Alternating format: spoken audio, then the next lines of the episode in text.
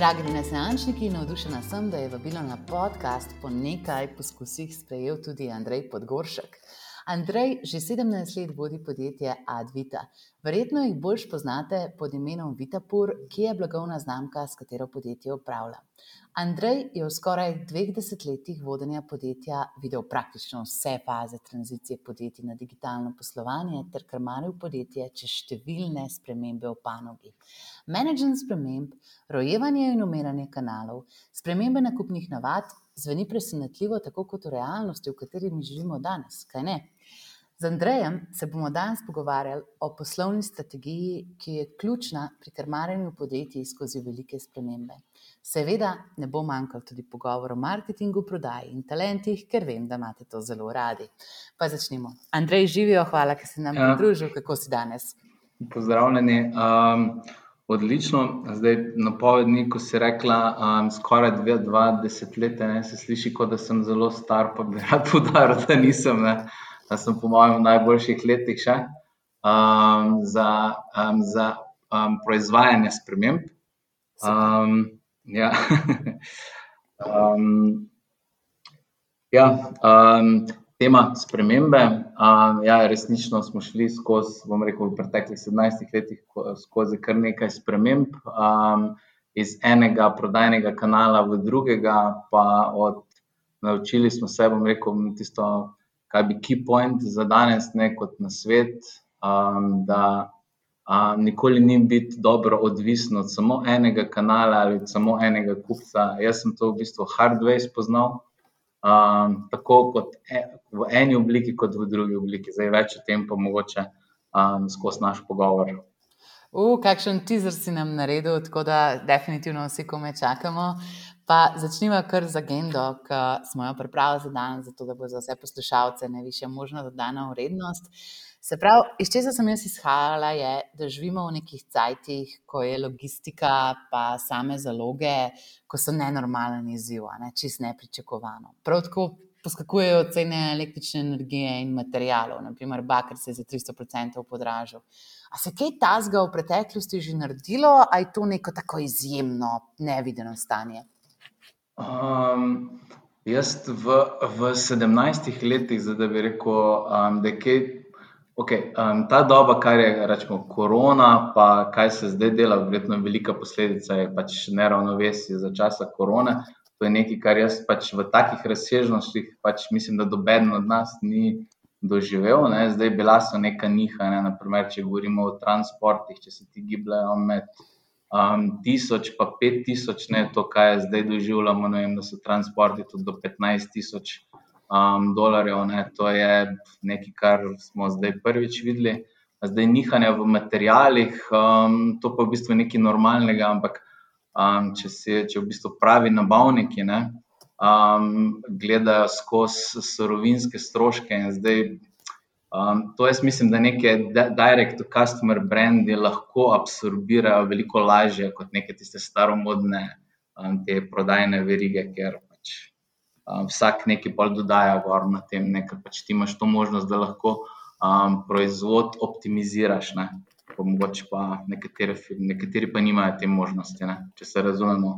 Um, prilagodi se gramature, um, teže drugi moldi v določeni industriji. Ne, Ampak um, gonilo, gonilo razvoja je vedno bila, je bilo to, da so cene šle navzdol, um, da so se optimizirali, ne, ker to pač naredi prostor nekim novim produktom ali pa, ali pa storitvam. Ne. In da to, kar zdaj, da pač so vse dražine, to jaz mislim, da na dolgi rok, um, rekel, tu malo sem pesimističen, da mora biti nekaj dobrega. Ne.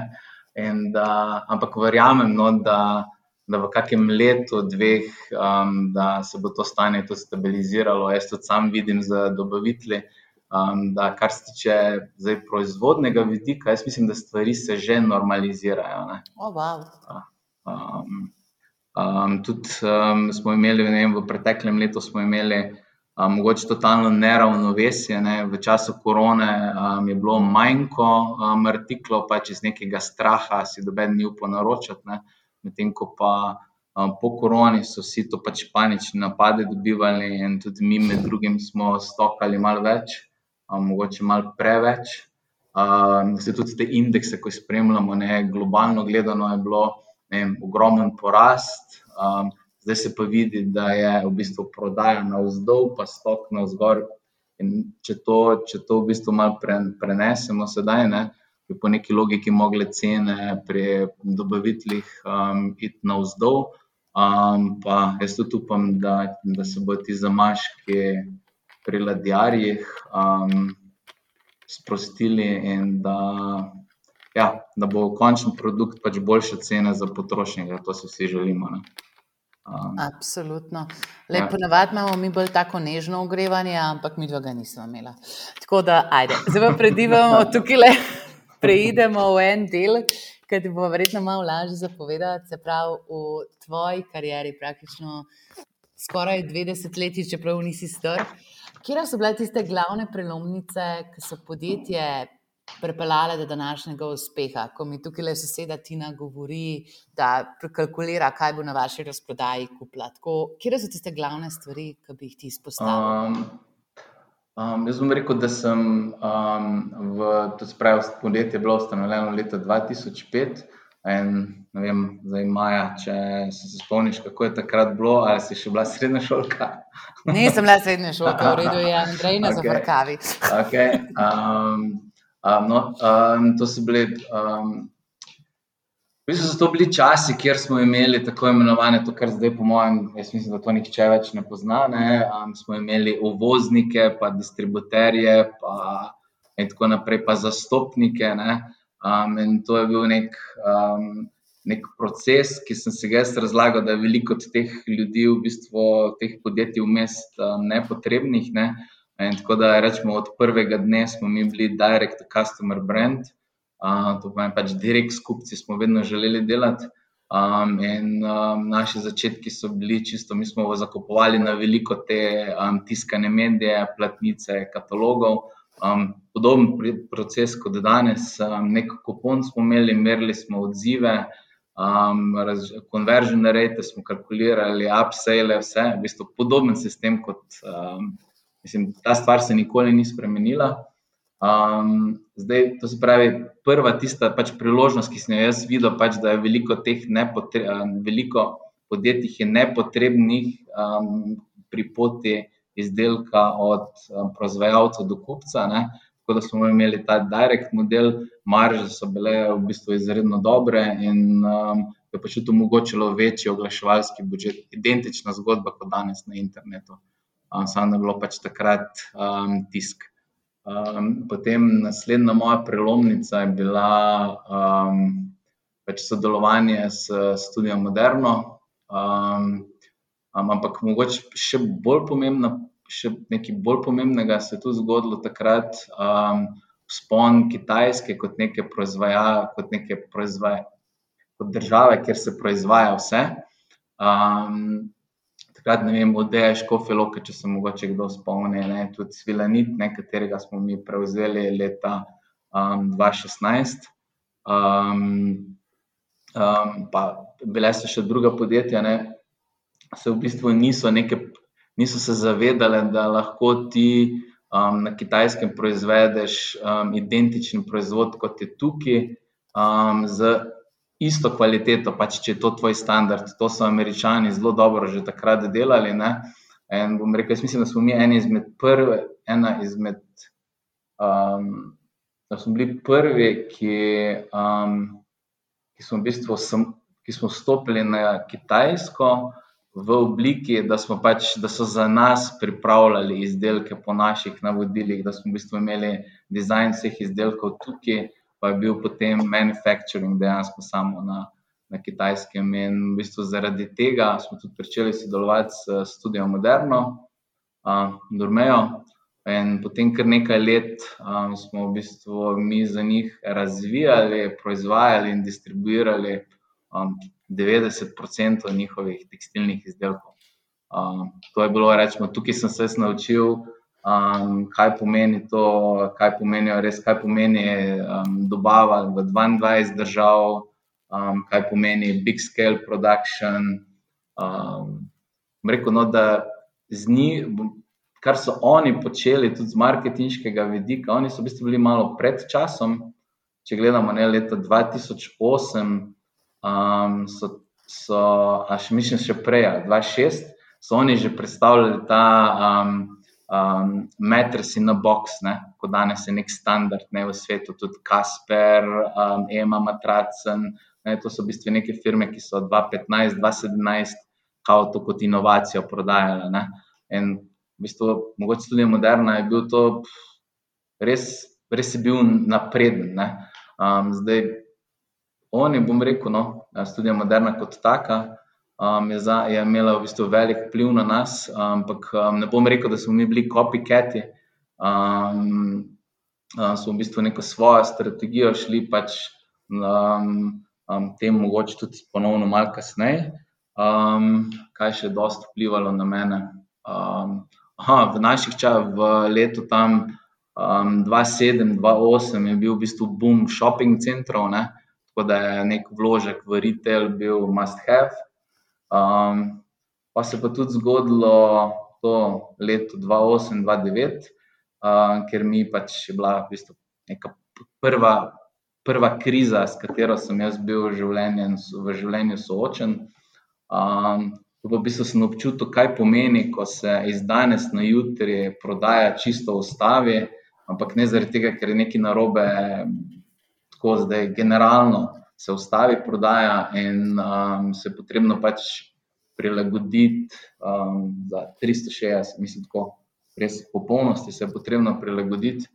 Um, mi smo to naredili, da smo v bistvu menjali um, popoln asortiman. Um, da smo lahko pač šli naprej. Um, to pomeni, da um, nismo imeli, naprimer, um, vse, um, leto, um, spomnim se enega dobrega stavka, ne, rekel, um, veš, leto 2006, 2007, 2008, ne, to so bile neki vrhunci, karkoli si pripeljal v ja. državo, dal na trg, se je vedno prodalo. Um, to se pravi, kao, da je bilo že skoraj IDS game. Um, um, ni se v bistvu neke, ni bilo nek stik, stik z realnostjo, se je mogoče zgubljalo. Že, um, in um, zdaj ne bi rekel, da sem v štartu kadarkoli um, izdelek naredil, ga plasiral na trg um, z namenom um, zgodbe, ne? ker pač imam neko načelo od dne ena, da um, izdelek, ki ga sam ne uporabljam, katerega sam ne verjamem, nikoli ne bo na policah. In, um, če bi te povabil v trgovine naše, rečemo, tam je malo bolj ena na ena videti, ne? nekaj zgodba na internetu prodati, ne? druga je pa um, fizični stranki. Uh, mislim, tako fizično ena na ena. Um, v letu 2008 Um, do takrat, do tistega datuma, smo mi, naprimer, večina prodaje um, delali, naprimer, um, svilene odeje, svilene vzglavnik, svilena posteljnina. To, naprimer, še za današnje razmere. Um, mi smo prodajali, ne vem, um, posteljni set um, iz svile takrat za 600-700 evrov. Wow. To je, naprimer, za današnje razmere, se mi zdi, da skoraj ne mogoče v Sloveniji prodajati. Ne? Luksus, ja. No, ampak takrat je bilo to nekaj, kar so samo nosili ven iz trgovin. Uh, mi smo v bistvu ogromno svile, ogromno dobrih tkanin. Jaz še imam, še, še danes imam neke te posteljnine, um, naprimer doma. To, to je res, um, res high, high, high quality. Um, to je pač neka stvar, ki je mogoče v tem umestnem obdobju. Zato, če gledamo v vlačilni industriji, kaj se je zgodilo. Ne? Nek, um, naprimer, 20 let star polover je danes, um, še danes aktualen. Ne? Zakaj? Um, druge materijale. Um, um, pač, ne, danes je pač vse zoptimizirano, da zdrži nekaj manj časa. No. Ja. To se pravi, ta shift, to, ta, ta sprememba se je zgodila potem po letu 2008 in um, pač posteljnine, um, govorimo o cenovni rang. Um, Med 20 in 40 evrov je v bistvu najbolj prodajena posteljnina. Wow. Ne, če tako gledamo. Ne. In um, to so bili nek, uh, neke spremembe. Um, potem pač uh, mi smo tudi videli, da bo potrebno pač, um, širiti asortiman. Ne, če si predstavljate, rečemo, firmo, podjetje Svilenin, zelo dobro poznate. Ne, um, pač, um, Spredi Svilenite je imelo v, v letih. Um, imelo v, rečemo, v tistem obdobju imelo tudi do 70 trgovin v Sloveniji. Mm.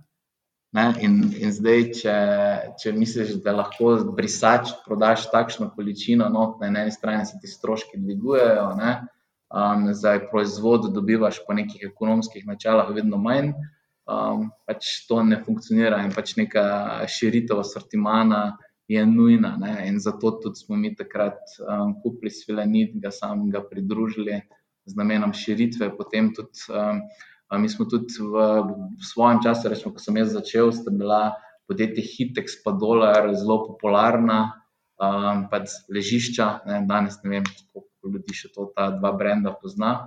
Um, mi smo to takrat kupili um, um, in pač počasi, počasi delamo transfer, pač čisto v Vitopur. Um, tako da, naprimer, Hitex blagovna znamka več um, ne obstaja kot taka. Ej, um, zanimivo. Ja. Kaj, kaj imamo pa mi kaj podatke, tako o rasti, pa um, kakšni so trenutni aktualni podatki, koliko je Vitapur zdaj močen tukaj v regionalnem prostoru? Um, jaz sem tako rekel, da smo um, da mi v preteklih letih um, smo se po prodajnih številkah um, zelo približali um, številki ena to je Dormejo, zdaj to je pač moje, um, moje ugibanje, ne, zdaj točnih podatkov jaz nimam, ne, ampak um, vem, da smo mi vsa leta, um, le, mi, mi v poprečju, tako sem jaz nekaj, mislim, poprečju, ko smo izračunali, delali, mi imamo okrog 25-odstotno povprečno rast. Da eno leto je lahko malo manjša, malo večja. Um, Rekel edina stvar, ki sem si mogoče v se mogoče učitam, ne, da sem leto 2017-2018 se mogoče malo preveč ukvarjali sami s sabo. Um, smo pač um, investirali veliko v digitalne procese znotraj firme, od orderinga, um, demand planninga, um, um, SAP-a, teh nekih temeljev. Um, pa smo mogoče to narekovajo zgodbo dropshipperjev, um, smo pozno na ta vlak vstopili, ne, pa ne, ne mislim iz vidika dropshippinga, ne, ampak um, reko pa z vidika večjega vlaganja v sam um, um, internet, ne, oziroma v Facebook, bom tako rekel. Um, drugače pa mogoče sem pozabil omeniti, da mi nismo prisotni samo v Sloveniji, ne, Slovenija, Hrvaška, Bosna, Srbija, Črnagora, Romunija, Avstrija.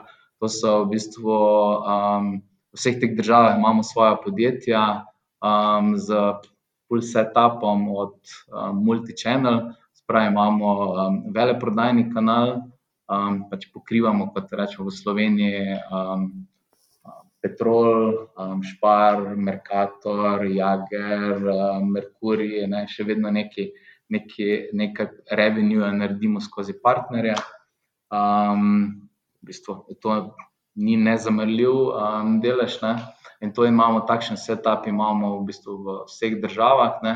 Potem um, retail mreža danes šteje 64 trgovin v shopping centrih v regiji, um, smo pa um, poleg tega pač okay, internet strani v, vsa, v vsaki državi, um, pa um, imamo tudi nekaj izmed par, par bestsellerjev na Amazonu smo prisotni v bistvu na vseh teh večjih portalih v Evropi z našimi izdelki. Odlično.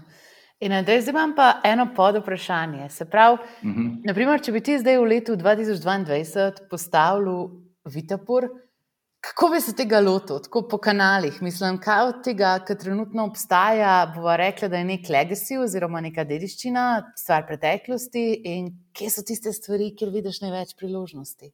Um, se, um, v bistvu danes je, um, če tako gledam, jaz mislim, da mladi živijo danes v najlepšem obdobju, um, ne vem, zadnjih 50-100 letih. Um, um, Ma ogromno priložnosti, je, um, v bistvu imaš, ja še zmeraj, ne vem, dobivam, um, ali pa rekel, se pogovarjam s kakšnimi drugimi podjetji. Ne, ko pač razume, da jaz temu pravim digitalizacija. Ne, ga razumem, da še zmeraj misli, da bo neko spletno stran z nekom postavil, pa da, bo, pa da je to to. Ne? Uh, ne? Se ne zaveda, kaj pomeni, pač, uh, kaj vse, kakšen setup ljudi moraš imeti, um, da lahko konkurenčno to upravljaš s tem. Um, ta, no, ampak, če bi se danes, jaz, um, ne, definitivno, ja, internet je in v bistvu bi se fokusiral 100% svojega časa na internet, pač na ta biznis model, kot pač Facebook, oglaševanje, Google, ne, zdaj TikTok so poskusi. Um, potem tudi um, ne bi se kakor, rečemo, moj, moj fokus takrat, to so bili drugi časi, moj fokus takrat je bil, naprimer, um, fokus na eno državo. Ne? Ker moramo razumeti, mi, naprimer, danes delamo v, v Sloveniji, rečemo, CCA 20 milijonov. Um, zdaj, ampak to lahko samo delaš na način, da imaš vse kanale pokrite. Če ja. pa, če pa ti zdaj samo, če si ti sam um, web-based, fokus je pa, pa mogoče se lahko približaš, ne vem, na pamet, govorim, dvem, trem, štirim, ne vem, ne, guessing. Ne. Um, in um, pač to spravi, fokus mora biti na, v bistvu, na celi Evropi, mora biti fokus, ne, vsaj ne. Um, to, potem pa step dva je pa, po mojem, za vse enak. Um, mi moramo danes, mi moramo še vseeno vedeti, da ne vem, uh, med različno po državah, ne? tudi UK, ki je v, rekel, na tem, tem delu pač najbolj razvit trg um, za internet kupca. Ne? Še vseeno tam je ne vem, neka ocena med 20 in 25 odstotkov treda, da gre skozi um, web. Ne? Če zmeraj 75 odstotkov je narejenega tradicionalnega. Tako da pomaš pa različno po državah. Vem, po mojem je neka naša ocena za Slovenijo, po mojem je internetne prodaje, delež internetne prodaje mogoče 10%, 13%, kaj je moje, moje ugibanje, ne. nekje smo na sredini. Um, zdaj, pri nas je ta, ta odstotek pač veliko večji, ne, pač imamo neko kombinacijo multichannel, ampak vseeno, torej, prvo internet, fokus na več državah, ne v točki dva bi jaz mogoče to zdaj preskočil v točki 2. Um, wholesale je še zmeraj um, odličen kanal. Um, in potem točka 3 um, je definitivno retail. Um, pač to je neki pristen stik z kupci. Um, um, v shopping centru se naredi še zmeraj veliko prometa, ne? je pa to investicijsko um, zahtevno, veliko bolj zahtevno.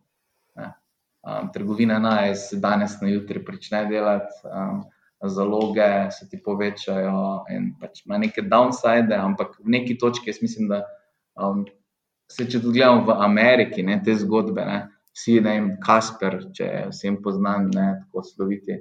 Um, oni so tudi v bistvu pure online, potem so bili študiji, zdaj na konci pa ima, um, pač, ki spet ponovno je lastništvo se spremenilo, um, je pa ponovno, ne vem, od, je pa multichannel strategija, to se pravi retail, shopping, wholesale, pa web. Ne, ker, um, kupci imajo pač na voljo več prodajnih kanalov ne, in sam z enim kanalom ne moreš poloviti vse kupce.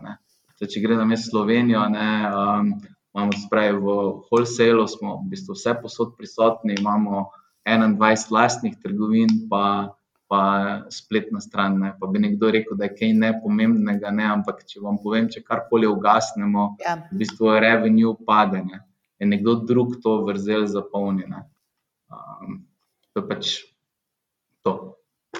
Se pravi, če povzamemo, ti bi začel na internetu, ampak pa bi pa definitivno šel v multichannel. Ja, mislim, to je. Um, jaz v multichannel um, pač verjamem. Um, Um, um, tudi, um, jaz gledam tudi, rečemo, mi, kaj mi delamo. Ne? Mi smo zdaj v procesu. Um, v bistvu korona nam je pokazala, naprimer, mi smo med, med korono so se nam trgovine vse zaprle. Ja, In uh, to, to, je, mislim, to, je, to, je, to je meni neverjetna zgodba. Ne? Ti zapreš vse trgovine in tebi zleti um, 90% prometa, ki si ga prej imel, je nam zletelo v um, v, na splet. Ja. Mi nismo imeli neke razlike. Ne? Ampak um, in pol bi nekdo rekel, zaključil, pa bi nekdo zaključil, oj, zdaj pa mi od zdaj naprej je pa naša strategija še samo web. Ne? Ja, to, to vse drži, dokler ne odprejo v našem primeru Rutar, Harvey Norman, Harvey Norman, Jisk, Lesnina in tako naprej. Ne? In ko ti plejeri pridejo nazaj, um, pa pa ni zadeva več enostavna. Um, Absolutno. In je treba ja. igrati na vseh frontah. Totalno. Zdaj pač tudi, ja, tudi, ena, tudi ena strategija je, zdaj, zdaj če ti. Um, To je isto kot Facebook oglasi, ko se zakupujejo. Uh, vsi vemo, da um, rečemo, za nek mali promet so mogoče, mogoče lahko dobiš, um, lahko zagotavljaš dober ROAS. Um, potem pa bolj, ko promet povečuješ, ne, pač ta tudi logično pade, ne, ker pač na na, ne, ne ciljaš več tako um, ciljno stranko. Ne. Do določene mere lahko skalaš um, um, z, z internetom nad tem nivojem, pač to pač več ne gre. Ne. Zanimiva zgodba bo, naprimer, um, v Evropi ena zelo uspešna zgodba. Mislim, um, to se temu se reče Ema Matracen, um, dva moja če bo kdo poiskal. Um, mislim, da so začeli 2016-2017, v letu 2020 um, so imeli CCA um, 500 milijonov prihodka, um, um, pure online, ne, ampak oni so v bistvu delali pol. Um, Um, že fokus na wholesale, naprimer, pri njih si jih njihove te um, madrace si v Hoferju, naprimer, so bili že v Lidlu, pa v teh. Um, potem tudi so začeli, tako kot pri nas, v sisteme, kot je naprimer lesnina, pa um, um, pozicionirati. Ne? Tako da njim je to spravi drugi korak, spravi prvi korak, pure online, drugi korak, wholesale, um, tretji korak. Um, um, pač um, lastne trgovine. Jaz sem prepričan, da v neki točki bojo vsaj te ta glavna mesta to pokrili. No. Um, ja, in to že vidimo, da se dogaja. Mislim, čistko ne da trgovina igra samo funkcijo nekega razstavnega salona, se pravi, da tam ne vem, kako na Teslah, veš, da lahko priješ pogled, ampak da ne moreš tam pač skupati. Ampak ja, to je definitivno ena taka stvar, ki se fizičen pa online svet prekrivata. Tako da super, da si to povedal. Ajde, zdaj pa še mečkam, mečkam, mečkam na eno tako zanimivo stvar. Se pravi, kar jaz poznam digitalno sceno v Sloveniji, je vsak, ki je bil v podjetju v stiku s podjetjem Studia Moderna, ima kakšno zanimivo zgodbo za povedati. Tukaj le v vodnem delu se že mečkano namignil, da je bila pač to ena tako velika prelomnica za vas. Tako da, kaj pa tista najbolj zanimiva, najbolj začinjena zgodba, ki jo imaš v sklopu tega sodelovanja, ki ste skupaj še delali? Um, hm.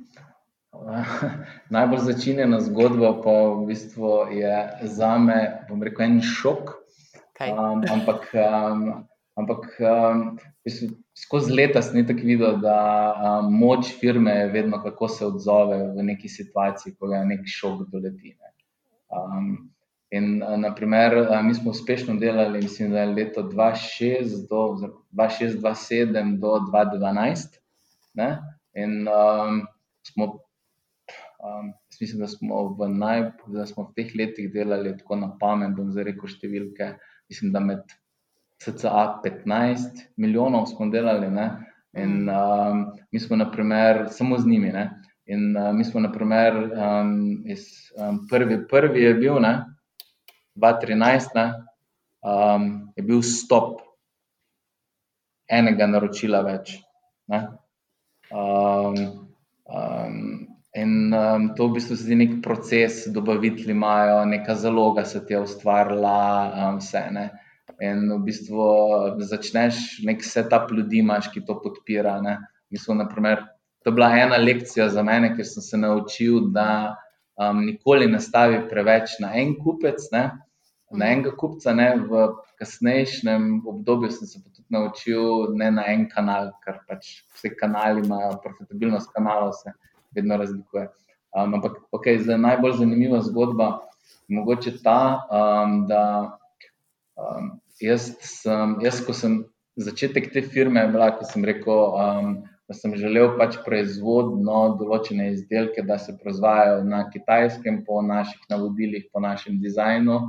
In um, um, sem igral v bistvu razvojnika in um, nabavnika na kitajskem. Preživel sem tudi po pol leta um, kitajskem. Um, in za njihove strani, naprimer, je bilo, so imeli en primer. Um, smo mogli v treh mesecih, v treh mesecih smo porabili za proizvodnjo, naprimer, um, 10 milijonov metrov tkanin. Ne? To in um, ne rečemo, jaz, ko sem dobil to naročilo, da ga moram izvesti, sem imel za realizacijo časa mogoče um, dva meseca, oziroma mesec dni, pa mesec pa pol, da sem se pripravil. Um, to, če bi danes bilo komu tukaj kazali, bi rekel: No, go, nikoli ne greš v kaj takega. Ne? Jaz pač um, se tega izziva, to mi je res bil izziv. Pa mislim, da smo, če danes razmišljam, ne, sem boš tudi sam ne bi tak, kaj takega spustil. Um, um, to naprimer, celo mesto je bilo, ki je delalo takrat um, za to naročilo, ampak vi, vas tebe bolj zanima, kaj je bilo zanimivega. Um, zanimivega. Zanimivo je bilo to, da pač osebno sem vedno bil obseden z kvaliteto izdelkov in od tega pač nikoli nisem odstopal. Um, in pač, um, ker eno podjetje tam pač ni naredilo te izdelke takšne, kot bi moglo, ne, sem jih pač zavrnil. Ne. In sem pač rekel, da tega ne mislim plačati. Ne, pač, uh, in um, so me potem ugrabili, um, zaprli v tovarno. Um, in um, dokler um, ni bilo nakazila, um, me niso spustili. Zdaj meni se je uspelo, potem pač um, smo za fake naloge, um, plačili mi pa tako izmuzniti. Ampak bom rekel, da tiste obdobje bivanja na kitajskem um, sem vedno spremljal, če je kdo za mano, ki je.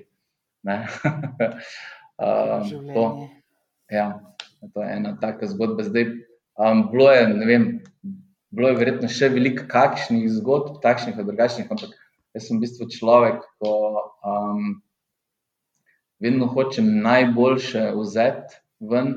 In jaz dejansko skozi neko sodelovanje, ja, pa tudi sama prekinitev, jo jemljem za um, dobro stvar. Zato, ker od dneva, ko smo prekinili um, z tem fokusom na študijo Moderna, ne, od tistega dne naprej smo začeli resnično um, graditi blagovno znamko Vitopur, pa podjetje. Ne, um, ker, jaz, če grem številke, to pomeni, da mi smo leta 2013 štartali iz nula. In zdaj, če grem nek um, skop, to se pravi, to zdaj um, osmo oziroma deveto leto v tem obdobju. Um, retail spostavili v regiji, danes si upam reči, da imamo tudi um, digital zelo dober. Um, um, um, wholesale projekte imamo. Um, če ste danes se slučajno kje ustavili na petroli, boste videli svilenin blagovno znamko, kot lojalnostni program na petrolu. To je nekaj, kar delamo od, um, v bistvu po celi Evropi, od, vem, od Litve, Romunije, Bolgarije, um, um, Mačarske, Češke. Um, pač Take projekte delamo veliko. Um, tako da bom rekel, da res sem, po eni strani sem res hvaležen, da so v bistvu prekinili sodelovanje leta 2013, tako da sem se kaj iz tega naučil. Vedno nekaj, nekaj dobrega, pa nekaj slabega se ti lahko. Ne? Vsakem slabem je nekaj dobrega. Ne? Um, tako da. Um, To, ja. In to, kar si rekel prej, mislim, je meni fully rezoniralo, ona, kako ne smeš biti odvisen od enega kupca in kako ne smeš biti čisto odvisen od enega kanala. Tako da to je nekaj takega, kar se definitivno lahko zapišemo. Odvisnost od kanala sem se najprej naučil um, pri študiju moderni. Um, kljub temu, da smo imeli neke poskuse z Vitopurjem, um, grajenje lastne prodajne mreže, lastnih partnerjev, je vedno bila v bistvu iz njihove strani vedno bila ta, um, zakaj odpiraš to, zakaj oglašuješ. Ne? V bistvu smo imeli omejitev, ne? mi v bistvu nismo mogli um, um, nič delati na trgu, ker so pač se počutili, so rekli, da ne moreš biti naš dobavitelj, pa na drugi strani še sam prodajati. Ne? In, um, um, in, naprimer, in iz tega ven je prišlo, da je v neki točki 80% našega revenuja bilo od enega partnerja. Ne? In to je v bistvu, ko vidiš, da ti to lahko iz danes na jutri, ti lahko nekdo reče, um, adijo. Ne? To je neka v bistvu zelo nevarna situacija. In um, ok, to. Potem jaz sem v fazi dva, torej spravi, prva faza je bila popolna odvisnost. Ne? Potem v fazi dva um, je pa. Je pa Se pa imel, naprimer, v Sloveniji, sem imel Merkator, pa na Hrvaškem je bil Konzum, ne, konkurenta še, pa vse, ampak potem se je pa to združilo. Ne. In uh, mi smo v bistvu imeli na nek način predelali z različnimi kupci, ampak v eni točki um, je to postal en kupec, ki je propadel. In um, v času, ko je konzum oziroma agrokor v um, propadu, smo mi v bistvu tudi na eni strani izgubili kupca, um, izgubili smo revenue, pa ostali so nam dolžni. Ne? In to ponovno, rečemo, v tistem času smo imeli, smo imeli kupca, ki nam je mogoče predstavljal 30 do 40 odstotkov. Ne. In to ponovno ni ok, bilo, ne. se ponovno čuti to nek vpliv na podjetje. Ne. In zato jaz mislim, da stabilna firma mora biti takšna, da ima, da ima diverzificirane kanale. To smo zavideli med korono, spravi retail, retail se zaustavi. Um, Lahko internet, support, da wholesale je tudi takrat oddelal svoje, Um, ne, to, to ena kanalna neodvisnost, ne, pa, pa tudi v wholesale, da nisi od katerega kupca preveč odvisen. Spravim tako, ne, če, imaš, če imaš ti, na primer, um, tisoč kupcev, ne, pa če vsako leto zgubiš jih 50, pa, pa jih dobiš 60, ne, super rasteš. Ne. Um, če pa jih imaš um, tri, pa enega zgubiš, bo pa to imelo vpliv na tebe. Ne pa tudi vprašanje, če boš takoj dobil enega zraven, ne, tako velikega. Ne. Tako da bom rekel, če nekaj, kar sem se jaz naučil, ne, diverzifikacija kanalov, kupcev, um, je v bistvu ne ima vsakdo v mislih. Ne. Vse verjetno so to, ne vem, um, ne vem točno, kakšne so zadnje zgodbe, ampak um, um, verjetno samo na Facebook, pa se tudi verjetno ni za nas. Um, ne more biti sam fokus. Ne. Ne, absolutno. Je lahko nevarno, mogoče ne danes, ne. mogoče ni nevarno to danes, ne. lahko je pa to um, zelo nevarno vem, v dvo- ali pa troletnem obdobju. Ne. Totalno, se pravi, vedno je treba imeti neke alternative, vedno je treba razmišljati. Ja, pa, pa, mogoče, pa mogoče eno stvar. No. Um, um, jaz mi smo vseh 17 let našega poslovanja, smo vsaj leta um, ustvarjali dobiček. Wow. Um, in um, rekel, da 95 odstotkov um, tega ustvarjenega dobička je v podjetju. In to je tisto, kar je rekel, omogočalo nek um, razvoj naprej. Ne. Tako da, um, ne, to mogoče za zapolniti. Tudi, vem, mogoče zdaj um, uh, je kaj drugače, ampak v mojih časih vem, sem veliko teh zgodb videl, ko je um, začela neka profitabilnost se dogajati, pa, pa so pozabili, da podjetje rabi še več vlaganj, če hoče rasti.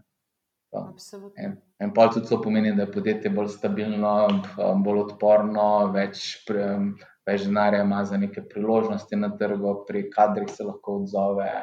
Um, ja, odlično. Le, ogromno smo se pogovarjali o strategiji.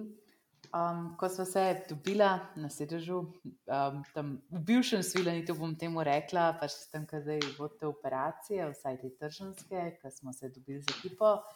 Um, mi je bilo zelo zanimivo, ker si pa omenil, tudi kako navdih za svoje poslovno udejstvovanje črpaš iz drugih industrij malo so se pogovarjali o modi, malo so se pogovarjali o luksuznih industrijah. Ampak, tako ki te poslušamo, ej, res zveniš tako zelo moder, zelo razgledan človek. načiten človek. Kje dobivaš vso, vsta navdih, kako krmati podjetje? Mm, tako rekel, da um, berem definitivno ogromno. Um, mogoče pač iz neke, um, če bom tako rekel, ne, jaz zdaj um, jaz vidim veliko kolegov, ne vem. Um, um, bere vem, na temo performance marketinga, na temo TikToka se poglablja. Pač jaz, jaz se moram pač v te teme površinsko poglabljati, da vem, kaj je nek. Ne, ampak um, je pa tak nek overview. Um, Veliko se lahko naučiš od drugih, v bistvu ogromno se lahko naučiš od drugih. Ne. Rekel, to je neka vrlina, ko je mislim, da sem jo. Um, da, da jo obvladam. No? Um, nimam tu nekega, včasih ima nekdo nek, um, misli, da ima vedno svoj prav. Ne, um, ne um, moraš gledati, v bistvu kritično pogledaš druga podjetja. Ne? Pa potem jaz tudi rečem, da sem tudi moderna, sem jih skozi spremljal, ne? skozi smo delali vedel sem z mojega vidika, sem vedel, kar jaz mislim, da oni odlično delajo. Ne? To sem definitivno, je to kopij ne, vedel sem pa tudi, kaj ne delajo dobro in kje je njihova težava. Ne, to, je pa, to je pa tista točka, ne, copy, paste, improve. Ne. Um, in um, um, to, to, sem, to sem mislim, da sem um, ukradel nekomu, ne, ko bo mogoče to poslušal. Um, so strani študija moderne.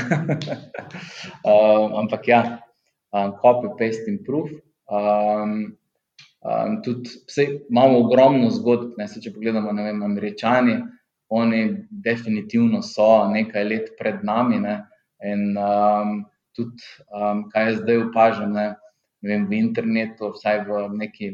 Če, če, naprimer, če, se, če si zauzam, če pogledamo, naprimer, oblačilno branžo, kaj se danes dogaja. Ne.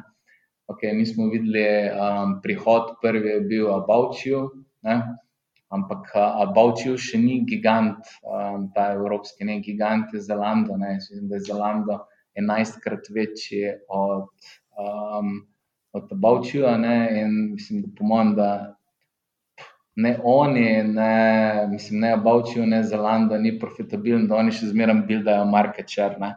Ja. In, um, in v bistvu to je nek ameriški princip, ne, ameriški model. Ne in da nekaj takega v naši industriji je meni, na primer, bolj strah kot česar koli drugega. Ne. Jaz, na primer, jaz resnično, zdaj ne bom se zdaj prepotenten, ne, ampak um, jaz, na primer, lesnino, um, Harvey Norman, um, IKEA, jaz, na primer, njih resnično ne vidim za, za konkurenta. Um, pač imamo drug pristop. Ne vidim, da bi me oni, na primer, lahko ogrozili in vse to se je zgodilo, in za njih imamo recept. Ne. Um, za nekaj, nekaj podobnega, rečemo, ne, en primer, um, Ema Matracen, ne, um, v bistvu. Že je resna zgodba. Ne? In oni se, naprimer, tudi neko daljše obdobje si lahko privoščijo delati minus. Ne?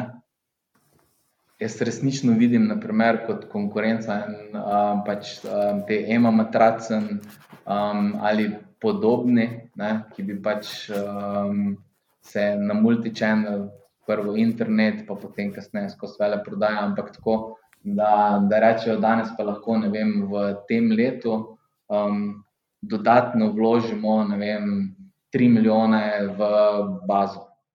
Ne to so nekje, spravi, ne samo po ROAS-u, ne, ne, ne rečejo, da bodo imeli vem, ena, tri, ena, dva, ne, ampak ne še dodatno. Ne. In um, takrat um, pa dober asortiman, dober servis, um, ne, to, so, to so po mojem neki izzivi. Ne. Okay, omenil sem, omenil sem, ema matracen, um, ne, pa tudi uh, Maja, ti si omenila, um, kaj um, glede Abavčija, kaj menim. Um, pri Abavčiju je zelo zanimiv njihov um, pristop samih kuponov. Mislim, da prej v Sloveniji nismo imeli um, toliko marketinga vezanega na kupone. Oni delajo tako imenovane mix deal, spravi Abavčiju, vse zdaj, ravno mi bomo zdaj z njimi to delali. Um, mi damo neke kupone v pakete, ki jih Abavčiju distribuirajo v Sloveniji in na Hrvaškem. Ne oni dajo njihove kupone v naše pakete, naprimer, to je en njih, potem delajo, delajo naprimer, ta influencer marketing, ki tako dela izključno um, kolikor ga delaš za kuponi. Um, smo imeli par dobrih um, sodelovanj. Um, v Sloveniji isto mi delamo z influencerjem, delamo v, v celi regiji, ampak z parimi slovenskimi na temo kuponov smo imeli v bistvu odlične rezultate in to je nekaj, kar bomo definitivno nadaljevali. Um, potem pri, sami, um, pri samem Bavčiju, zdaj bom rekel, ta kuponska zgodba me zelo interesira. On je, naprimer, če nekdo ni odziven, tako rekel, dlje, ko si neodziven, višji popust za reaktivacijo ti dajo. Um, oh, in, to wow. ja, in to zelo dobro merijo. Um, tako da um, vam predlagam, da vsem ženskam mogoče predlagamo, da naj ne kupujejo, enkrat kupijo, naj ne kupujejo, naj na drugo ne, pa mogoče bodo dobili više kupone. Um, um, tako, um, ta v bistvu cela kuponska zgodba je pri Abavčiju v bistvu zelo zanimiva. Um, to je nekaj, kar bomo mi tudi več delali.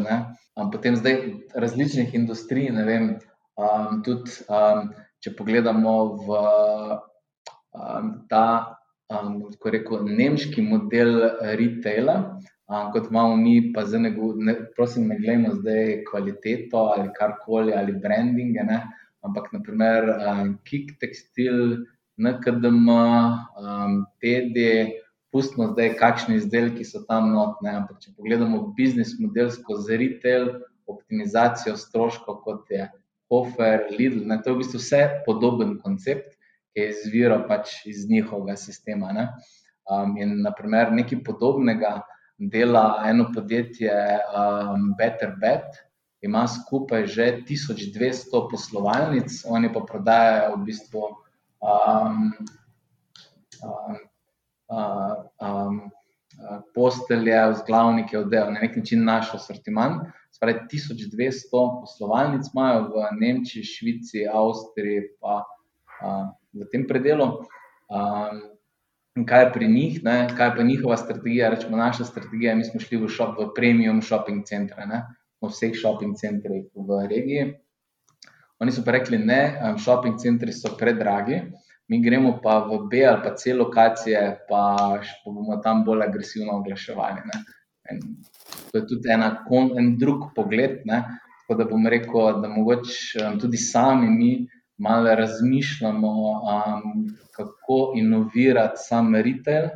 Um, bomo v bistvu razmišljali, kako tudi kje, kakšno trgovino, v kakšnem shopping centru zapreti, um, kje iti v, v, kako, na kakšno drugo lokacijo, ki je B lokacija, ker danes je pač zelo pomembno, sam, da se ljudje pripeljejo tja, ne, ni nujno, da je to shopping center. Um, ker ti usmerjaš kupca v veliki, v veliki meri. Ne. Um, to, naprimer, to, če na to vprašanje, iz koga vse črpamo. Um, Ne, ne, meni je pa ful zanimivo, ko si zdaj rekel o teh fizičnih trgovinah. Spomnim se neke zgodbe, kako si ti šel na ekskurzijo po fizičnih trgovinah. Mislim, kako si kot direktor podjetja vseeno obiskal fizične prodajalne, opazoval kupce tam. Pa že prej si tudi omenil, koliko ti je to pomembno.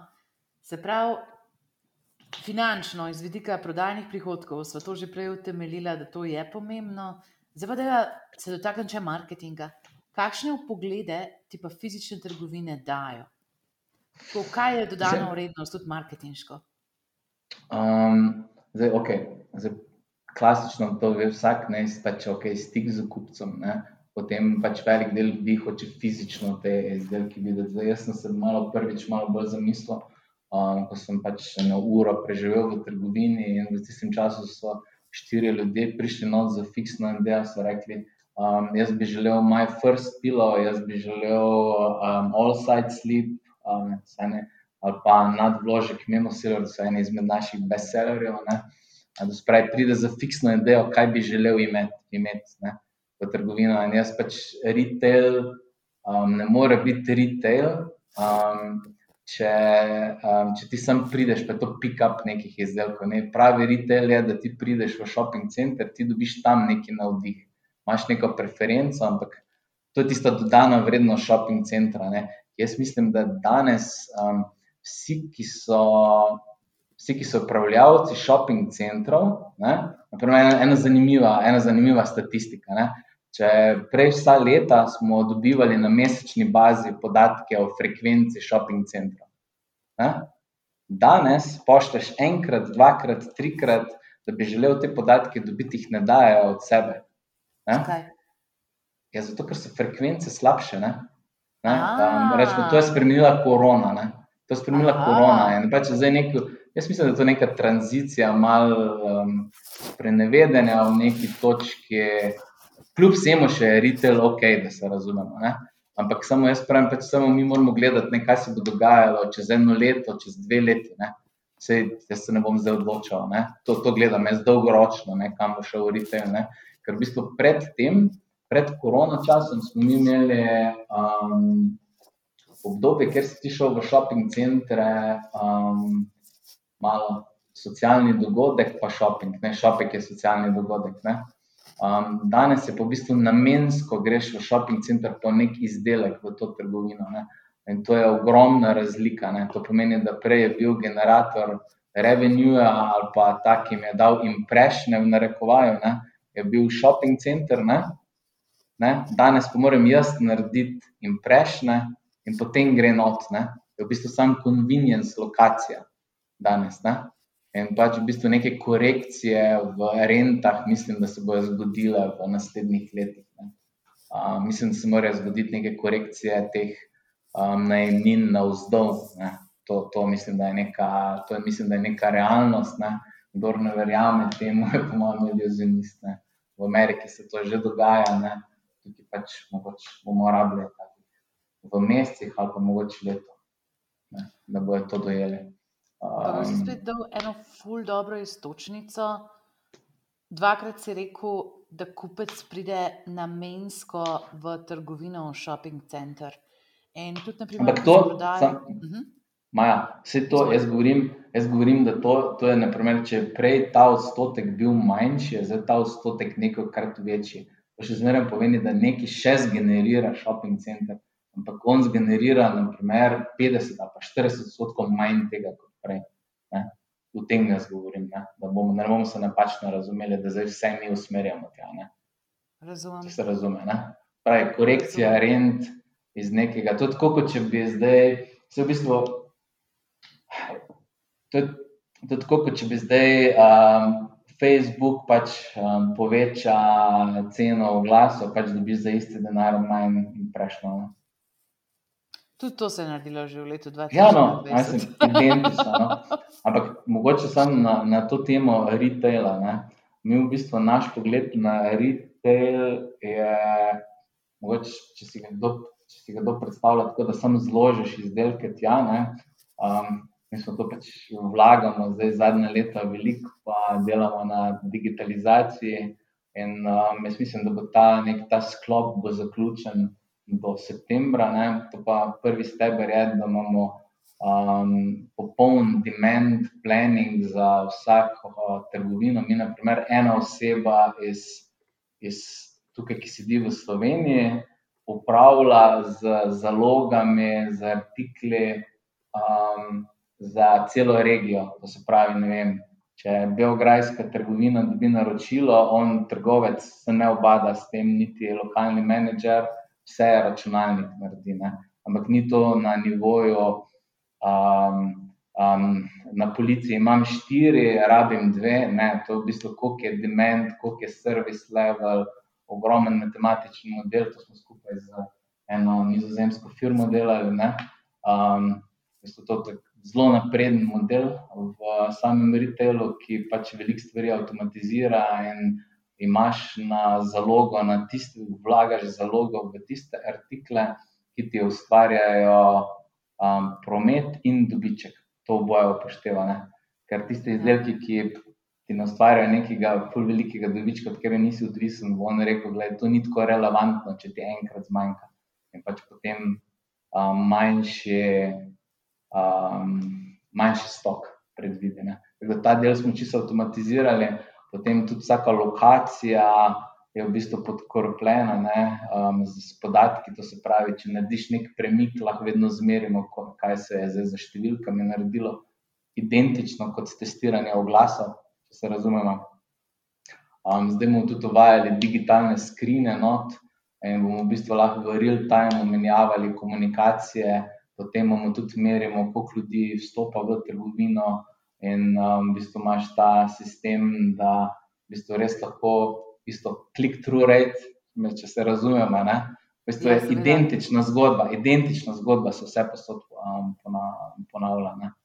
Um, to je nek, pač, za moje pojme, nek sodoben pristop, ne.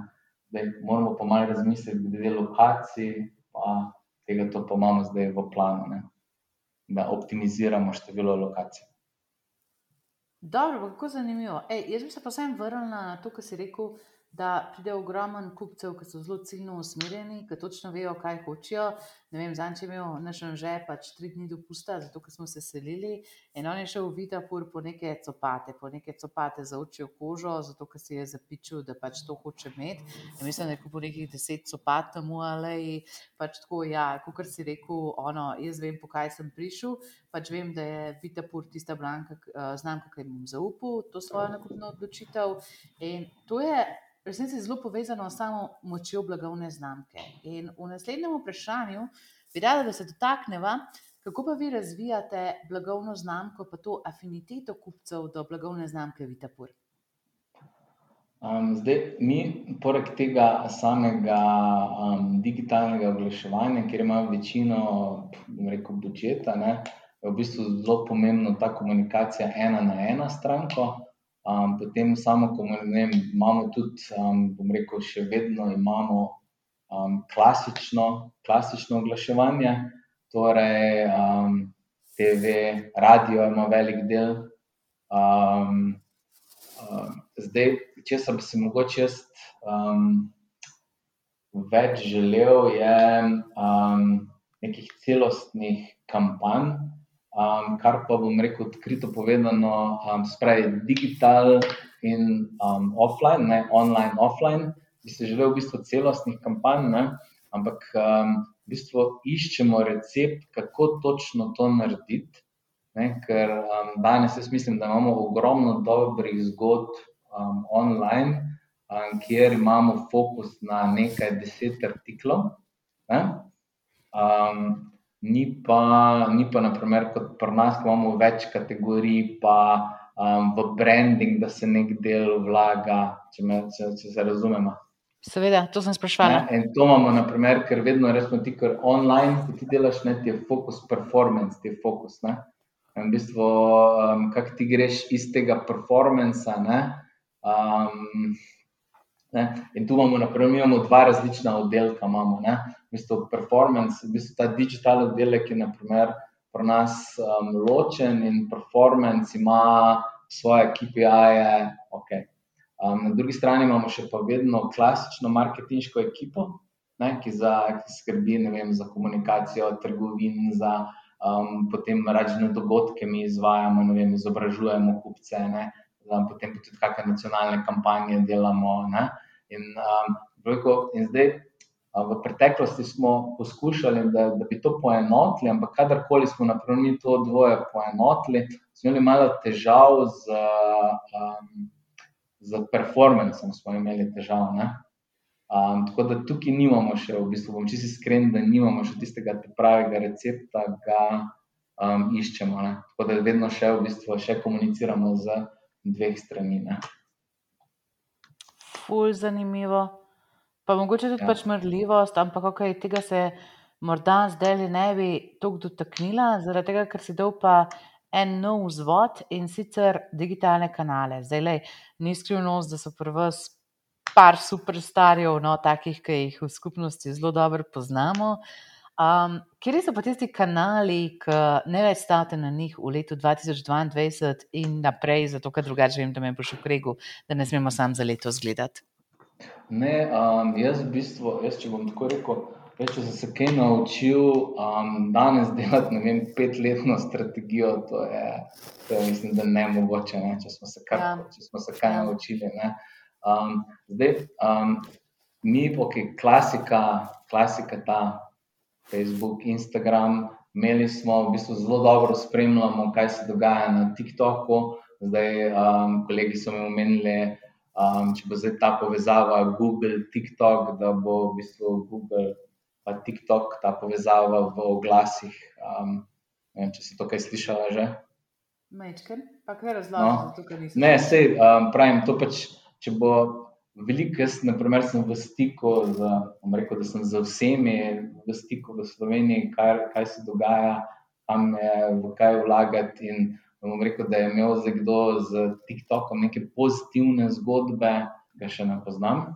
Spremljamo definitivno, drugače pa pri nas je, poleg teh je, je mi v bistvu smo zelo upeti v pač nek cilj, je, da želimo v bistvu na vseh večjih portalih v Evropi biti prisotni, to se pravi, poleg um, vseh Amazonov, Allegro, Mo, um, Mol, pa Emak, pa v bistvu teh copycatov, Amazona je ogromno, ne? mi tudi, naprimer, za mimo vrste v Sloveniji še nekaj naredimo. Ne?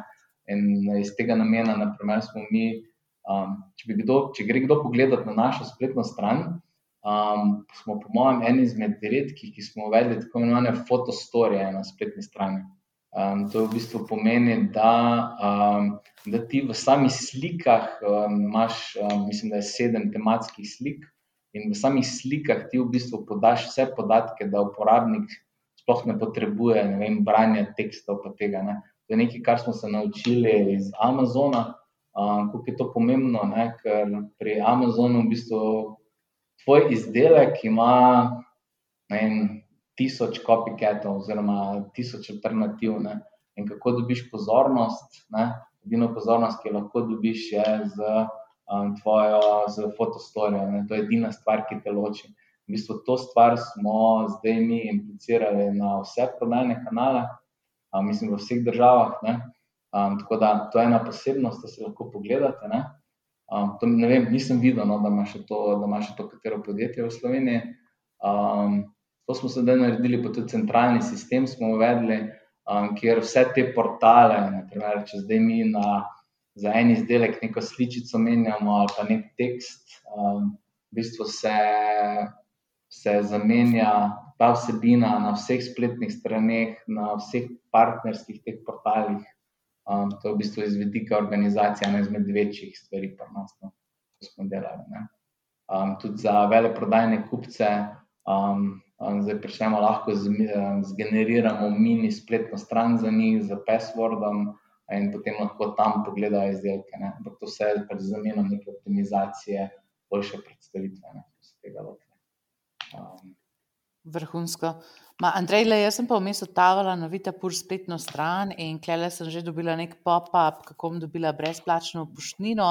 Tako da, glede na to, da vemo, da prvo zdela tudi timbrce, to je optimizirano v nulo. Jaz sem tukaj že takšen FOMO imela, pač tam sem gledala neke copate, iskala sem v resnici pač te fotostorije, o katerih si imenoval, pa pa nekako jaz vedno zatavam na posteljine, ker posteljine so moj najljubši artikel. Uh, tako da, ja, evo, email marketing je pa tudi verjetno en takšen kanal, ki veliko vlagate vam, pa ste verjetno uspešni. Ja, v bistvu si želimo iz um, vsega, kar smo se naučili na Amazonu, ne, več kot je reviewov, boljše so pozicije. In si želimo, v bistvu, da je Vitopur most reviewed brand. Um, in, tudi v bistvu ta feedback, ki ga dobimo od strank, nam ogromno pomeni, ker to pomeni, da lahko tudi delamo izboljšave na samih izdelkih. Um, pač stranka ima vedno, prav. Potem Vse včasih naredimo, mogoče kakšen izdelek, kakšno napako, ampak um, ko smo mi na začetku, govor, ko smo mi na začetku govorili, um, je, um, kako gradimo blagovno znamko, Vitapur. Um, ja, jaz mislim, da je zelo dober način, kako jo graditi, je, da, da, da imaš odprto komunikacijo s strankami. To pomeni, da spodbujaš stranke, da dajo povraten feedback um, da, da se odzoveš na to, da popravljaš izdelke. Um, pa tudi um, en primer povedal, da smo imeli stranko, da je prepozno dobila izdelek, smo imeli neke težave. Ne? Pa smo se tudi, ne vem, popoldne vsedli v avto, pa dostavili ta izdelek. Pa je to bilo, ne vem, mogoče par mesecev nazaj. Se to zgodilo. Um, jaz, ko karkoli je na robe, ne vem, jaz ogromno dobim nekih, um, ne bom rekel ogromno, ne, ampak um, um, me kdo včasih na LinkedIn me kontaktira, me pove, kakšno izkušnjo. Jaz sem full hvaležen te, um, um, vsem. Um, in um, če se da, če se da rešiti um, željo stranke, v bistvu jo, jo vedno, vedno slišimo stranke. Zdaj bom en primer povedal. Ne. Um, pa ne vem, če še tudi danes velja, ne, ampak Zapos je imel včasih pravilo, um, da naprimer, pri njih v call centru, da niso imeli nikoli omejeno, koliko časa se lahko operater pogovarja s stranko. Ne. Pa so imeli še pa eno pravilo, da lahko stranka pokliče za karkoli, tudi da vpraša, kje je najboljša pica. Ne. Ne. To je naprimer en tako. Um, en taka stvar, ko v bistvu da človeku misliti um, kaj je brend. Ne? Če pogledamo, pač, to je naprimer, neka, neka vizija bila takrat ustanovitelja eh, zaposlene. Uh, so v bistvu friendly, ne? happy. Um, zdaj imam Ja, točno to, kar govoriš. Točno to, mislim, kako si usmerjen v stranke, kako je to pomembno in kako je to v bistvu nek motor rasti tudi.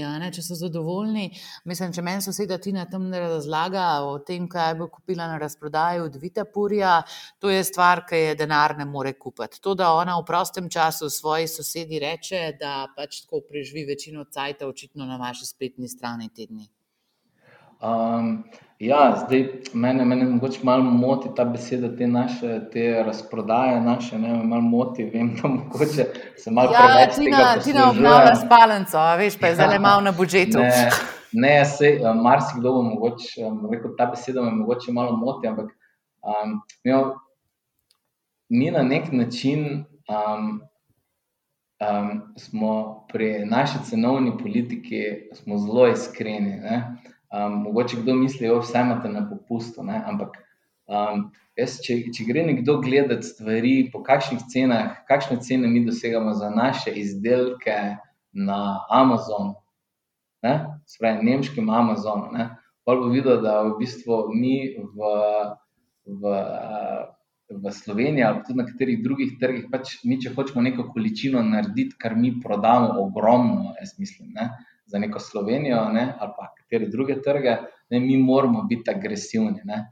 Mi, spravi, niso ti naši popusti kar tako na Limani gor. Ne. Uh, mi dejansko um, v bistvu z namenom prodajamo po nižji ceni, um, da, ker vsi vemo, kako funkcioniramo. Ne. Ne vem, ta izdelek ti je nezanimiv za 30 evrov, za 20 evrov boš mogoče razmišljal o njemu, za 14,90 pa ne boš razmišljal, pa ga samo vzel. Pač namensko, mi namensko včasih gremo za nekimi izdelki res nizko, um, da buildamo količine, ne? ker zadnji za količinami se skriva tudi prihranek v nabavi. Ne? Tako da ni zdaj um, to, da je to nek uh, marketinški trik pri nas, kot mogoče kdo misli. Ne? Uh, ne? Dober pokazatelj je, vem, cene, ki jih dosežemo na Amazonu, pa smo na nekih kategorijah bestseller, kar mislim, da ni tako enostavno doseči. Pa mogoče um, mogoč bo meni en. Um, nam so, na primer, smo dobili tudi ponudbe za nakup um, Amazon računa od teh agregatorjev, pa pogovarjali smo se o podjetju, o naših. Um, um, um, O sortimanu in tako, in njihov, njihov stavek je bil, um, um, da naj malo bolj razložim, kako si lahko to prvošimo, kak je naš biznis model. Ne. Jaz sem dobro razložil tako, da Slovenija je nekje vmes med Zahodom in Vzhodom. Um, na Zahodu um, ljudje kupujejo izključno izdelke, Zahod, govorim, ne, Nemčija. Ne. Naprimer, kupujejo izključno izdelke, ki jih potrebujejo, in se zavedajo, da, da je tisto, kar poceni, lahko včasih zelo drago. Spravi, točno vedo, kaj kupijo, ne? vedo, kaj je kvaliteta, ne? moraš biti transparenten. Medtem Slovenija, jaz mislim, da je nekje vmes, medtem ko pa južni trgi ali pa Romunija, ne? Um, je pa v bistvu si počasih ljudje samo na nivoju, še ki samo želijo, da nekaj kupijo. Ne? On bi nekaj imel, In on je njega to, njega ta moment sreče, se mi zdi, da je bolj pomemben kot potem uporabna vrednost. Ja, ne? Tako, ja. tako nekako. Ne? In In sem pač povedal, ne, da mi pač um, v našem jeziku, ne, ker mi pač ne moremo provoščiti linije izdelkov za, um, za južne trge, pa linije izdelkov za zahodne trge, pač to samo korigiramo za cenovno politiko. Um, pa poleg tega je pa meni osebno, um, meni je quality, quality, quality, quality. To mi je res, to mi je res od prvega dne vodilo v to, verjamem. In tudi ta svet se mi zdi, da tudi v Sloveniji to se bo čisto spremenilo. Jaz grem v Nemčijo, ti neki izdelek, ko ni on res dober, to sploh ne prodaš. Ne? Tam je cena irrelevanten faktor, če ni izdelek dober. Ne? Um, Noč ne narediš tam sceno, ne? Slovenija še, ne? ampak um, na jugu je to vse, cena je vse. Ne? Cena je um, vse, praviš. Okay. Ja, mislim, po trgih je različno, pravim. Pač mi še nismo za, Slovenci še nismo zahodni kupec. No. Ne, ne, gremo ja, tja. Smo pa, smo pa tja in to, pač, to je neka ugotovitev. Bila. Ampak, um, naprimer, um, mi imamo v naši prodaji, smo prodali že vem, um, preko, tako da imaš številk za občutek, um, um, pol milijona kočkov. In, naprimer, mi, naprimer, to sem zdaj izven naše glavne kategorije. Dal, Ja. Um, mi, na primer, naše kočke proizvajamo um, pod identičnim standardom, kot ga proizvajamo, kot ga proizvaja Samsonite. Wow. V identični tovarni. Ne? In um, kdorkoli, kdorkoli je kupil naš koček, ki si jih po letališčih zmeraj vidim, ne? pač smo nekaj tega dali na trg. Um, um, ali pa ne vem, tudi na hrbniki. Sem, um, to je, to je v bistvu, mi v bistvu imamo tukaj v tem delu, imam, imamo Samsonite, naprimer, kvaliteto. Ne? In mi v več kje to tako delamo. Ne? Se v bistvu standarde visoko zastavimo, ne pač pa smo malo manj upgradamo cene in smo lahko, lahko kupcem to ponujamo, potem tudi na vzhodnih trgih. No. Ej, kako zanimivo, Andrej. Zdaj se moramo pa mi dotakniti še enega dela in sicer kadrovanja in karjernih priložnosti. Vsi vemo, da v zadnjem letu ste pritegnili kar nekaj digitalnega talenta. Jaz, po drugi strani, vem, kakšna je vojna za ta digitalni talent. Mislim, kako se res vsi pulimo za ene in iste ljudi. In kot direktor podjetja, imaš kakšen upogled, kaj je pomembno pri tem, da pripričaš vrhunski kader, da pride delati v podjetje, ki mogoče več tako ni tako izpostavljeno, kot so Google, pa Amazon, pa Facebook, pa take zadeve. Tako, kaj je bila tista tvoja skrivnost, tista tvoja skrivna začimba, da si, pa ne bom rekla, smetano slovenskega digitala pripeljal na svoje podjetje, ampak zaprl res vrhunske talente, ki jih vsi poznamo po imenih? Um,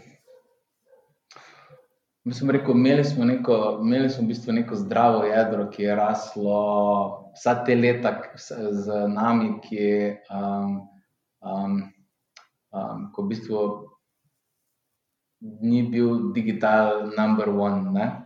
Um, kanal. Ne? Um, tako da imeli smo neke temelje. Ne? Potem na drugi strani, jaz mislim, da, da v, to res, jaz mislim, da sem od vsakega, s katerim sem sedel um, je v bistvu rekel, da jaz, jaz, jaz res ne morem več um, se ukvarjati z um, dropshipping modelom. Ja. Um, meni jaz ne verjamem v te izdelke, ti izdelki so krep, um, tu samo neki. Ne, ne, in, um, in um, ko, ko ljudje vidijo, kakšna je naša zgodba. Ne, um, jaz sem mogoče prej pozabil tudi omeniti. Um, rečemo, svilenit, ne? mi kot tak smo ja. svilenita, veste, kaj smo samo hranili. Mi smo samo hranili teh 90 let znanja, ko je bilo v tkanini, ne, um, wow. naprimer, um, teh um, um, um, posteljnina, ne, ko vsakmo, ne vem, lahko kupiš. Zdaj, ko bom neki na M, je en brand, tudi v Sloveniji, neko veliko oglašuje. Um, in um, druga črka je I. Vse vemo, vse vemo. Uh, no, no, no, ampak um, hočem to povedati. Ne? Um, naprimer, ti imaš pri posteljini, imaš krčene, color fastness, diagonalni zamiki. Um, rekel, to je zdaj tak strokovni del. Ne? In ti moraš te stvari obvladati.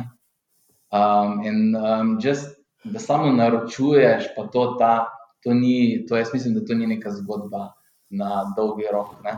In to je tisto, kar noben ne ve, um, svilanit. Ne? Svilanit opremlja vsa sloven, vse slovenske bolnišnice, večina. Ne? Klinični center, Ljubljana, z tekstilom, nemške bolnice. Ne? In to je nek knowledge, ki je tukaj. Rečemo, to, je, to je zelo tako bilo ena na ena z, z Vitapurjem. Zdaj, ko sem to povedal, kaj je Vitapur, um, um, to, ta zgodba ljudi pritegne, da, to, da so to res. Da verjamemo mi vsi v te izdelke, ne? še bolj moč, da jaz sam verjamem v te izdelke. Um, ta del, um, potem pa, kar sem tudi sam videl, um, Um, jaz se si, Maja, si videla, da imam pisarno. Ne? Ja, um, mogla sem iti celo po štengah gor. Ja, ampak um, um, mi imamo lep razgled na kamnik. Ja, mi imamo drugače dve lokacije. Um, ena je na, um, na Štajerskem, slovenski konice, in ta lokacija tukaj ne imamo pač neke funkcije. Še zmeraj um, imamo v bistvu tako um, veliko kadra, imamo za Maribora, to mi imamo v konicah. Um, um, okrog 40 ljudi dela v pisarni, tudi ne, imamo in tukaj. No, ampak hotel sem to povedati, da če si videla, jaz sem v bistvu del tima. Ja, in, um, ko sem se jaz, ja, ko sem se jaz, naprimer, um, um, ko sem se mi malo bolj aktivno tega digitala lotili, v bistvu sem osebno šel sam tudi nagovarjati um, um, ljudi. Um, predvsem sem jih poslušal, um, kakšne so njihove ambicije, um, kaj verjamejo, kaj jih driva. Um, um, potem bom rekel tudi, da je zanimiva zgodba, je, da um, imamo zelo tako flat organiziranost. Um, um, vsak, je vsak je dostopen vsakemu. Um, um, jaz mislim, da sem zelo odprt. Um, človek, um, razumem, um, da včasih tisti, ki dela, kaj zagreši, da vedno ne morejo biti um, rezultati, da okay, se jih dosegamo na koncu, ne? ampak mi, mi moramo vedno narediti največ od sebe. Mislim, tako, ta moment malo prostih rok, ne? To jaz mislim, da je en driver, zakaj se ljudje odločajo, da pridejo um, k nam. Um, pa, Tako rekel, imeli smo nekaj korekcije v preteklem letu, um, smo malo spremenili kadrovsko ekipo, ne, In um, jaz mislim, da imamo fantastično vzdušje, danes. Jaz sem tudi videl, da malo pazim, vseeno, veš, um, če ti imaš deset ljudi, pa vsak šteje ena, ne, matematično je to deset. Ne. Ampak, če pa, če pa vmes med njimi zgradiš sinergijske učinke, pa lahko to 15 ali 20. Ne. In um, tu pa potem to pa pomeni, da um, ni, ni prostora za ego ne? zaradi mene, jaz. Ne? To. In um, v bistvu, to sem si rekel, da nekaj takšnih stvari ne bom dovoljeval več. Ne? To je neka edina stvar. In, in ko vidim, da, v bistvu, da imaš ljudi, ki se zavedajo, da je vsak je pomemben člen, ampak skupaj vsi so pomembni, pa vidiš, da je to nek zdrav odnos, da to ni dobenega stresa tega. Ne? Ker včasih, če so ljudje, če imaš ekipo, ki se med sabo ne razume najbolje, ne, to je v bistvu tisto, kar, stres, kar ti povzroča stres. Ne? Ne? Samo delo, jaz ne verjamem, da povzroča stres. Um, tako, to se pravi, um, osebno um, sem zelo vpet. Um, tudi, naprimer, um, če bi kdorkoli, rečemo, mi imamo. Um, Bi, koga bi še želeli imeti v našem krogu? Ne? Um, Tako, rekel, to je bilo dejansko vprašanje, katero priložnosti so odprte, pa kaj svetuješ osebam, ki se želijo prijaviti. Ja, jaz, um, jaz bom tako rekel, mi, zdaj, če bi rekel, um, če bi se želeli še biti boljši. Ne? Mi um, vsako leto, oziroma tako rekel, lansko leto smo zgenerirali milijon plus računov, um, 80 odstotkov teh ljudi imamo v bazah, um, pa želimo osebo, ki bo um, še bolje upravljala za to bazo. Zdaj, um, od ali je to lojalnostni program, ali je to e-mailingi. Um, skratka, um, to je ena kategorija, um, spaj, kakšne koli izkušnje z upravljanjem blagovnih, mislim, baz kupcev. Um, to, to. Potem oglaševalci z izkušnjami na tujih trgih, ne, predvsem tisti, ki, tako rekel, imaš veliko, še zmeraj, jaz mislim, da jaz tako se malo v hecu govorim, ne, ne, da je tu ta kamnik, mengeš, trzin, nek tak silikon velik, na narekovaju. Za e-commerce, ja, ja, seveda. Ja, ja, um, v bistvu ljudje pač, ki mogoče, ki želijo iz, um, ker na dropshipping modelu je v bistvu zgodba zelo enostavna, ne, iščeš izdelek, ne, ga skalaš, zapiraš, ne. Um, medtem pri nas, pa kot sem rekel, ne, to je neka dolgoročna zgodba, ne, kdo se poistoveti, kdo, uh, ker pač nam je cilj oseba, ki enkrat kupi, da opravi še dva nakupa, ker potem je to pride že malo v lojalnost. Ne. Um, in v bistvu na tem ful delamo. Um, tako da um, vsi, ki bi pač mogoče neke spremembe si želeli, želeli ne, pa, um, pa tudi v nadaljevanju. Ne, si želimo v bistvu skrbnike blagovnih znamk. Ne? Mi mm. zdaj imamo sveleniti ena veja, vitopor je druga veja, um, tretja je rozmarino, kuhinjo, to je nekaj, kar smo asortiment zelo razširili. Um, to spravijo upravljavci blagovnih znamk. Um, drugače pa imamo mi, drugače in-house, imamo od video montaže, fotografa, video studio. Um, um, tako da, rekel, kar se tega nekega osnovnega setupa, mislim, da imamo zelo dobre pogoje. Um, potem um, tudi ljudi, ki jih um, zanima razvoj novih izdelkov, um, ali imajo idejo, v kateri blagovni skupini pa mislijo, da bi naš prodajni kanal bil um, primeren. Ne? Ker um, veste, mi imamo, naprimer, za našim setupom, ne, um, spletne strani, vele prodaje, pa to mislim, mi lahko lahk vsak izdelek takoj skelamo do neke točke. Ne? Kjer pa še nismo dobri, pa nimamo pa tega, da bi lahko vem, 10 izdelkov skelali na 20 milijonov. Ne. Tukaj nam pa manjka, na tem pa delamo in to je neki ziv, ki ga imamo. Ne. Tako bomo pač.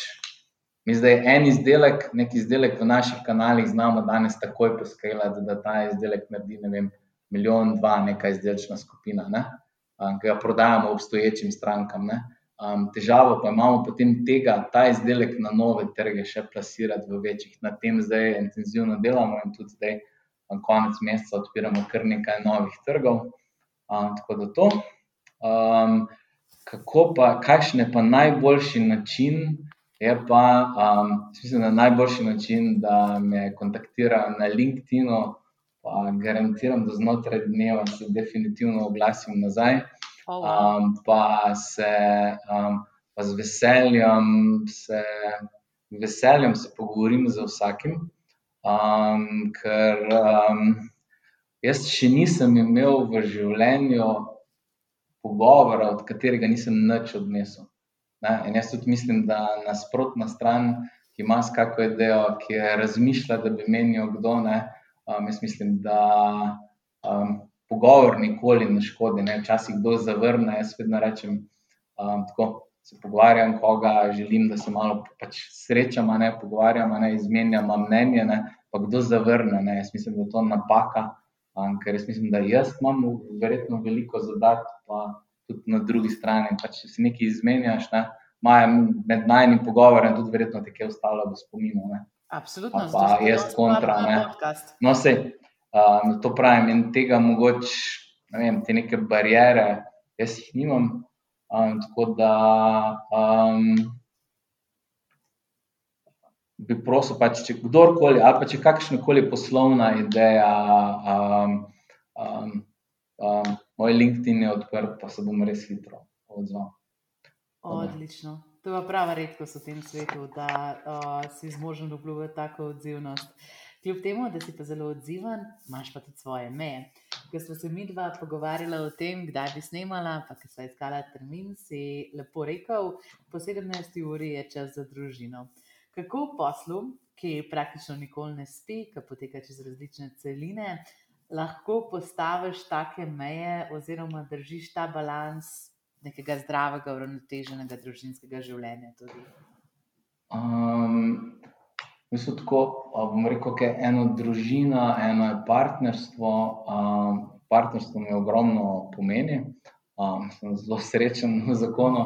Um, in, um, in potem, ko enkrat ta stvar zelo dobro um, um, gre, ne, je potem tudi um, rekel, um, samo, samo delo hitreje steče, imaš več upore, ne, ampak um, um, naučil sem se, ne, da za vsak odnos um, moraš nekaj vložiti. Ne.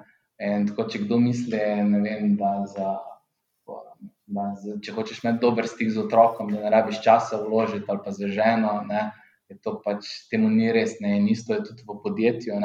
Če, če ti nisi v stiku z zaposlenimi, ne, um, če um, je, je, mislim, tudi, tudi včasih mora biti ta um, small talk ne, med, med njimi, ne, če ne izmenjaš. Ne, um, če, če ne vzpostaviš nekega odnosa, ne, tudi ta odnos ne bo trajal. Ne.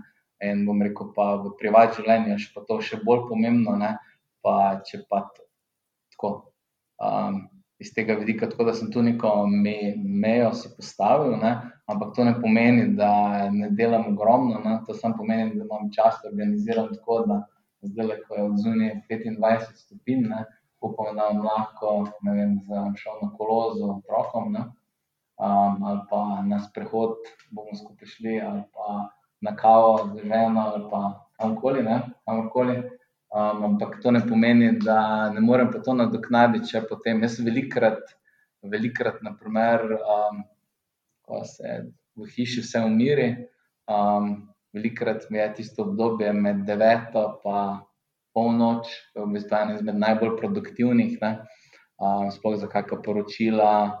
Um, neke researche, ki jih delam, um, izobraževanje, tu je to v bistvu neko tako dodatni čas, še, ko si ga najdem. No.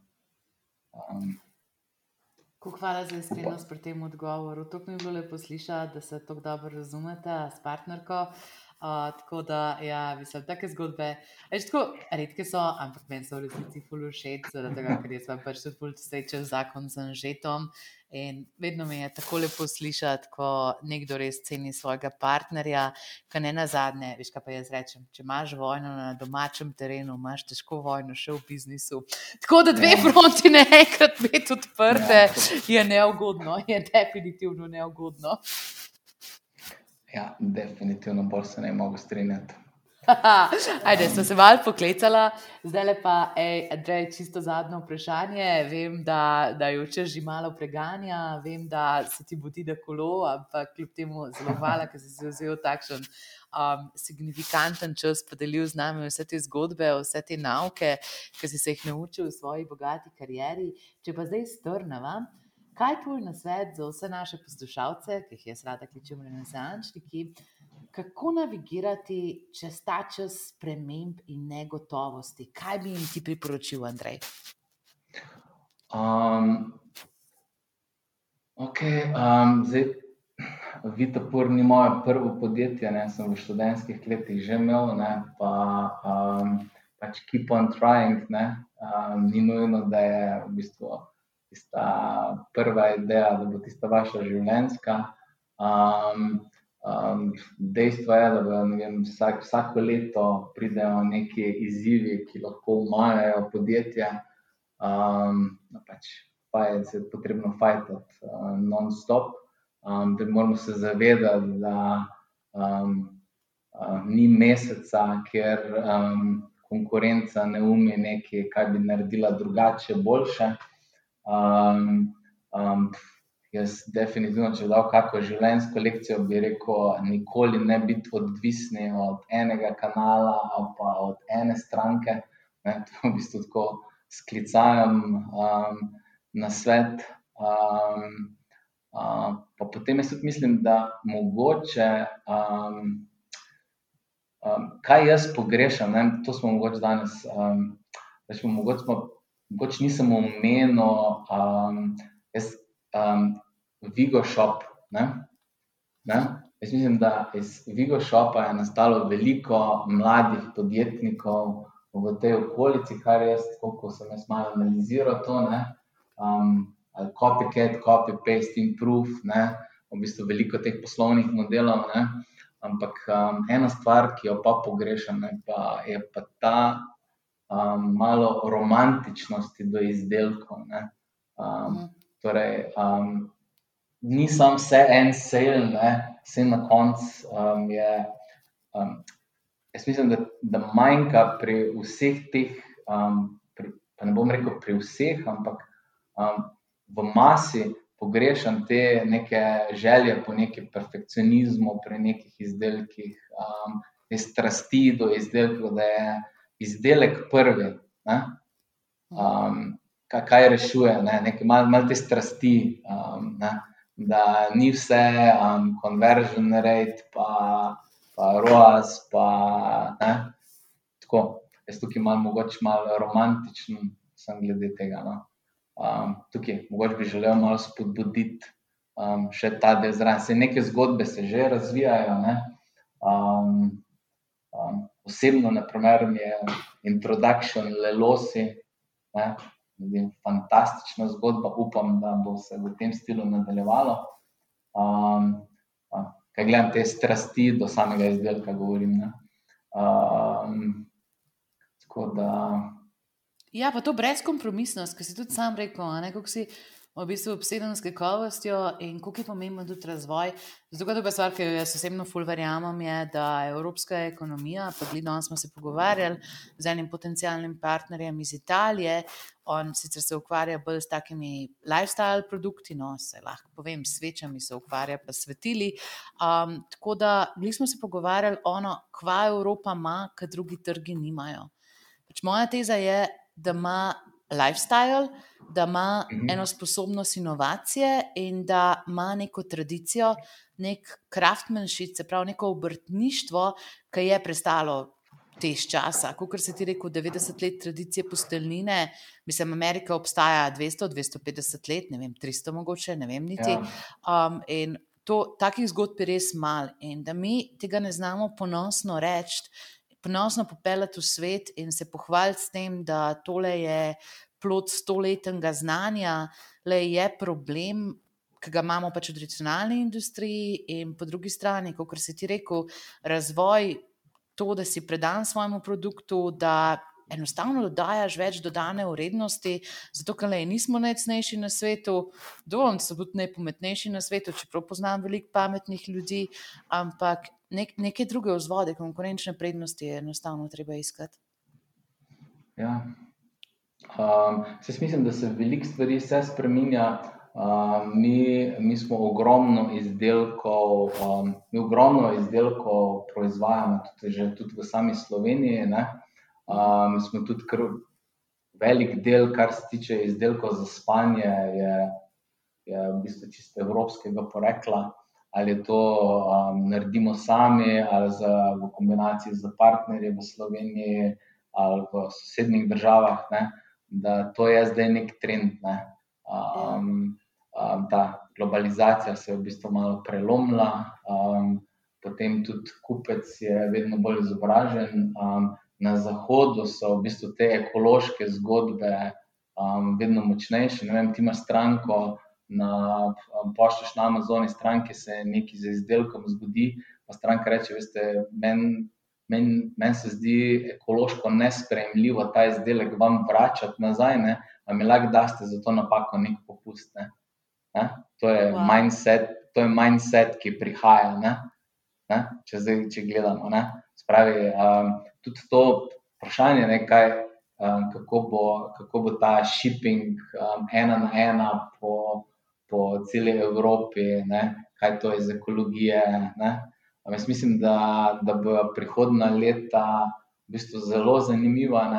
Um, tudi kaj se bo z samim Facebookom dogajalo, um, s TikTokom, um, z, regula, um, z regulatorji, kako bo. Um, mislim, da nas um, edina zadeva, kaj se bo 100% zgodilo, je to, da bo sprememba. edina stalnica za spremembe. Ja, okay. ja. Ja.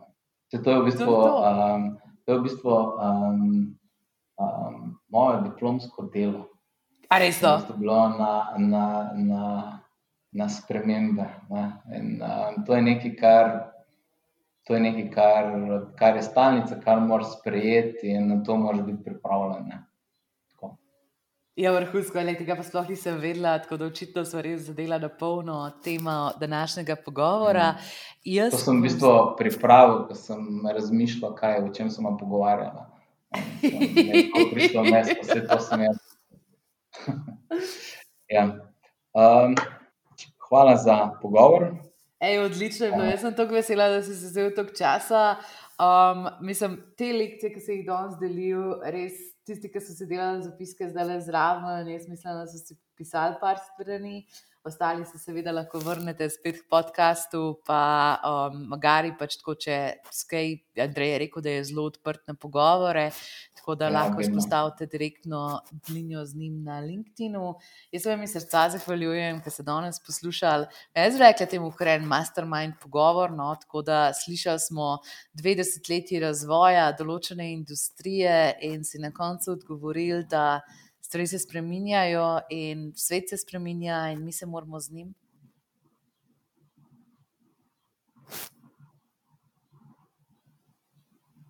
Maja, se slišma? Ja, Andrej, hvala lepa še enkrat, ker si bil gost. Pa srečno še naprej. Jaz se veselim vseh vaših bodočih uspehov, novih talentov, ki se pridružujejo vaši ekipi in razturite na polno že naprej. Ja, hvala, Maja pa upam, da boš uspela izkoristiti ta lep sončni dan danes popoldne. Ha, tudi ti. tudi ti, okay. tudi ti poslušalci. Ja. Lepo pote, ja. čau. Čau.